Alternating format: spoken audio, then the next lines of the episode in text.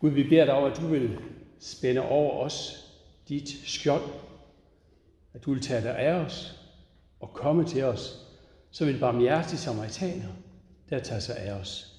Amen. Vi vil rejse os og lytte til det hellige evangelium, som det står skrevet hos evangelisten Lukas.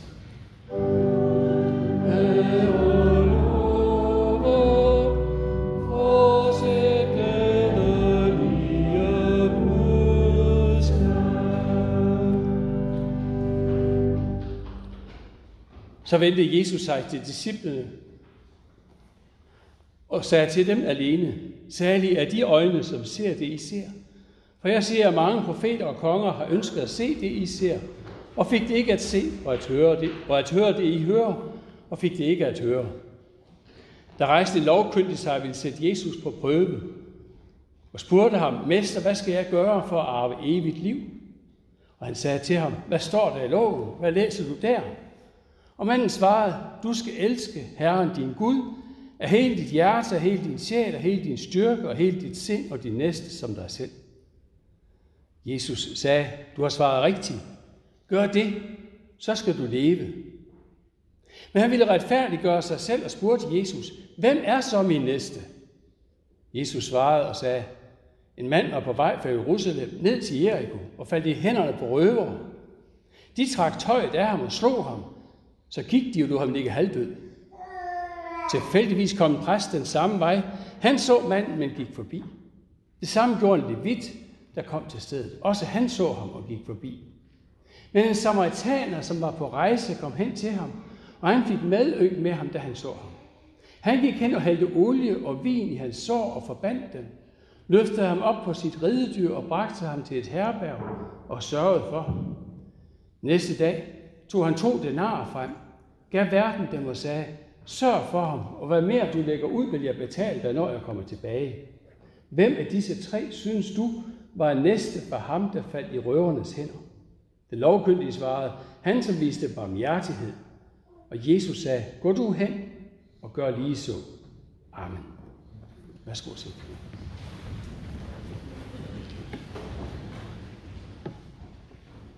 Er der grænse for, hvem vi skal hjælpe? Det var et aktuelt spørgsmål. Er der grænse for, hvem vi skal hjælpe? Det er aktuelt i mødet med de afghanere, der er blevet evakueret netop de seneste dage. Er der grænse for, hvem vi kan hjælpe? Også ved udsigten til, at der måske kommer endnu flere flygtninge fra Afghanistan og andre steder fra. Det kalder på svære politiske beslutninger i vores samfund, som jeg heldigvis ikke skal være med til at tage. Men det kalder også og bliver også et nærgående spørgsmål på det personlige plan. Hvem skal jeg hjælpe? Hvad skal jeg gøre? Hvordan taler jeg om dem, der søger til vores land, fordi de har fundet ud af, at her er der fred og godt at være. Til forskel fra der, hvor de kommer fra. Er der grænse for, hvem vi skal hjælpe? På den baggrund er det en lille smule, eller man kunne måske endda sige meget udfordrende, at vi netop i dag bliver bedt om at læse den her tekst i vores gudstjeneste med den her meget kendte lignelse. Måske den mest kendte lignelse overhovedet i vores Bibel. En lignelse, som jo slet ikke handler om situationen i Danmark i dag, sådan nøgternt set. Men alligevel, alligevel kan vi godt mærke, at den trænger sig på. Lignelsen om manden, der faldt i røvernes hænder og som på det skamligste blev overset og efterladt af de to første fromme, præsten og levitten, dem der ved, hvordan man skal gebærde sig, de gik bare lige forbi. Og så endelig bliver de hjulpet af manden fra et andet land med en anden religion. Det er en lignelse, som på mange måder jo er enkel og lige til, fordi den handler om næstekærlighed Og det udfordrer vores forståelse af det begreb. Det er, at du skal elske din næste som dig selv. Det fortæller os, det viser for os, at, at det vi ved og det vi gør, det er altså ikke altid helt det samme. Det vil Jesus åbne vores øjne for. At det handler om andet og mere det her, end bare det med, hvordan vi møder vores medmennesker. Det handler om, hvad vi ved, hvad vi tror og hvad vi gør. For der er jo rigtig mange mennesker, også herinde, som ved, hvad der er rigtigt og forkert. Vi ved godt, at næste kærlighed, det er godt. Det skaber et godt samfund. Vi ved godt, at samfundssind, det er vi blevet tudet ørerne fuld af i de sidste par år. Samfundssind, det er godt. Vi ved godt, at kynisme, det hører til det onde, eller det, det fører til noget skidt. Vi ved det godt, hvad der er rigtigt og forkert. Og to gange i den her beretning, som vi hører, der siger Jesus faktisk til manden, der spørger ham, gør det. Gør det, du ved.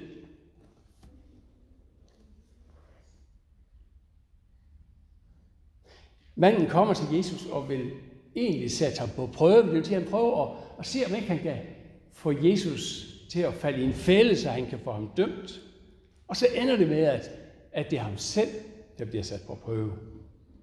Det er ham selv, der får det der spørgsmål fra Jesus, den der opfordring fra Jesus. Når du nu ved, hvad der er det rigtige, så gør det.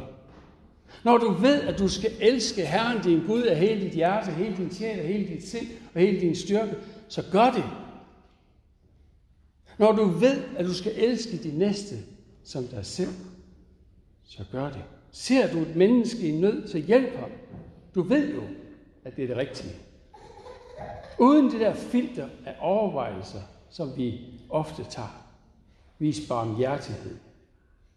Og det er derfor, Jesus, det er derfor manden svarer Jesus, jamen, hvem er så min næste? Ikke fordi han gerne har afklaret, hvem han skal hjælpe, men meget mere for at få afklaret, hvem behøver jeg ikke at hjælpe. Og det er her, den her lignelse bliver så nærgående for os.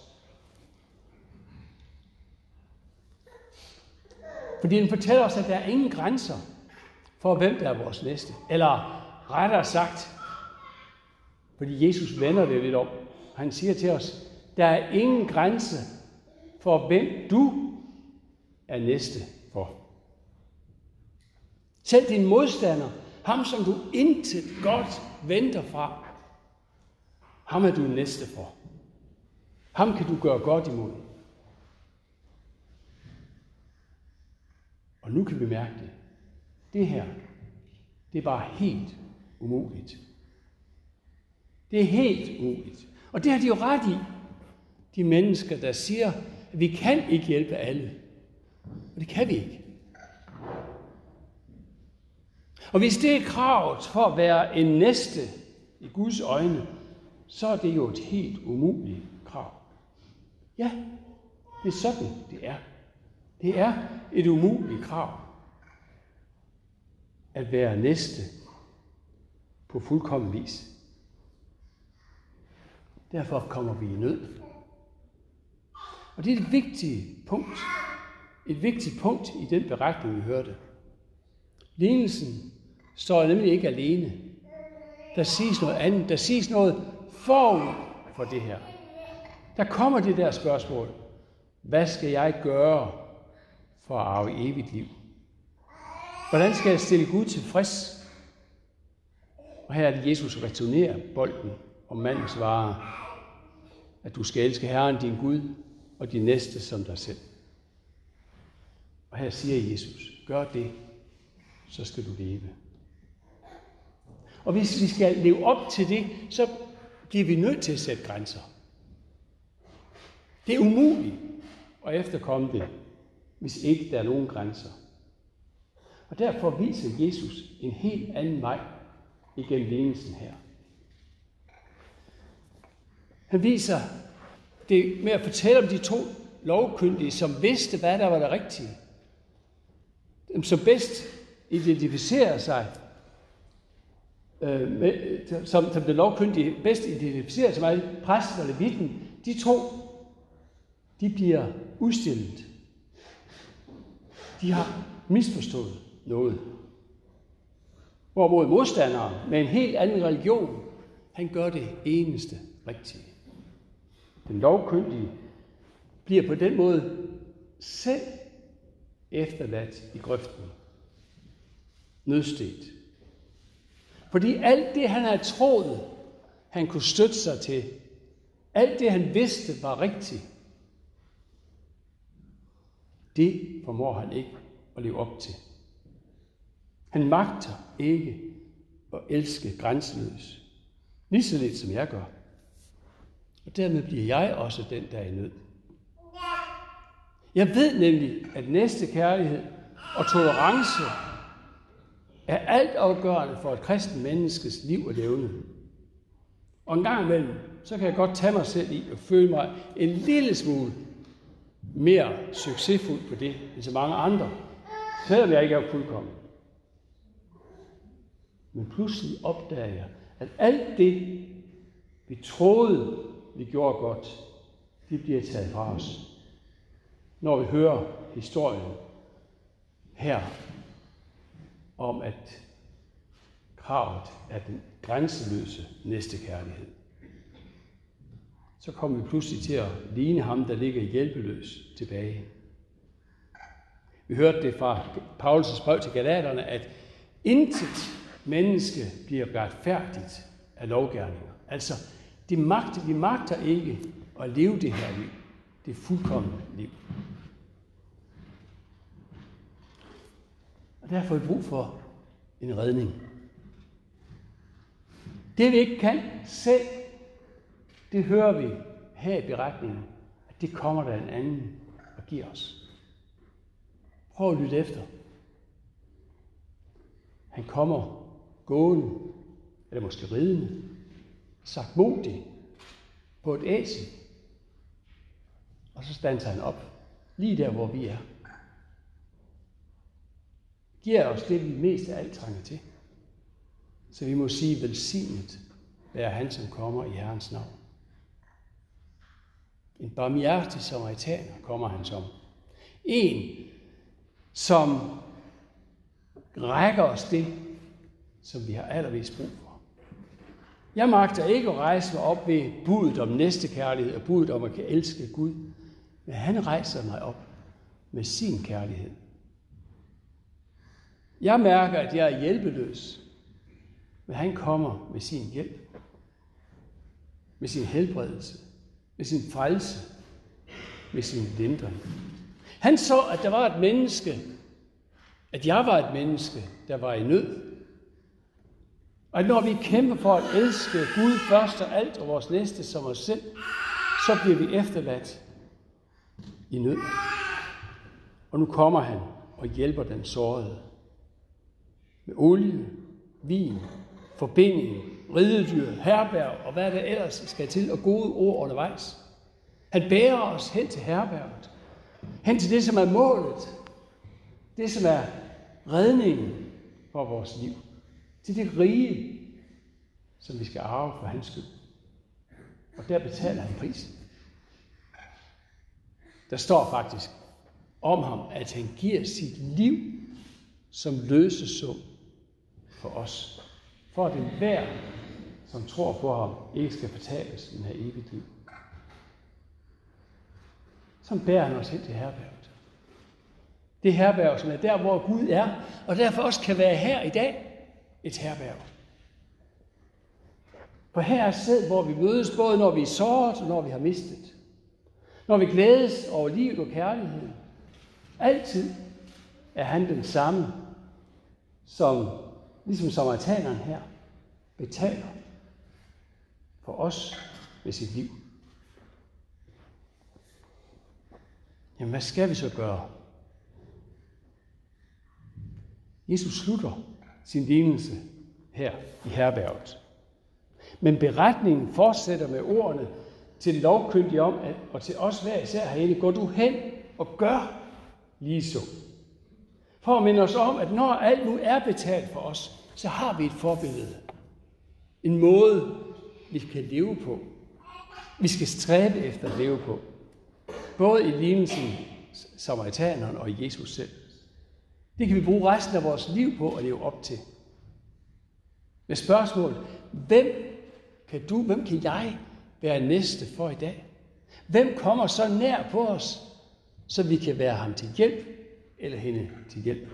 Uanset religiøs eller racemæssig baggrund, uanset hvilket køn man har, uanset hvad der er med den anden, der møder os, så har vi mulighed for at være næste, når han eller hun helt konkret står foran os. Vi har mulighed for at være næste, der tager ved lære af ham, der selv tog sig af os. Og vi vil gøre det, vi kaldes til, ikke for at få evigt liv, men fordi vi har fået evigt liv i troen på ham. Vi har fået det. Han tager imod os. Han bærer os. Han hjælper os. Lov, tak og evig ære være du, vor Gud, Far, Søn og Helligånd. Du, som var, er og bliver en sand treenig Gud, fra første begyndelse, nu og i al evighed. Amen.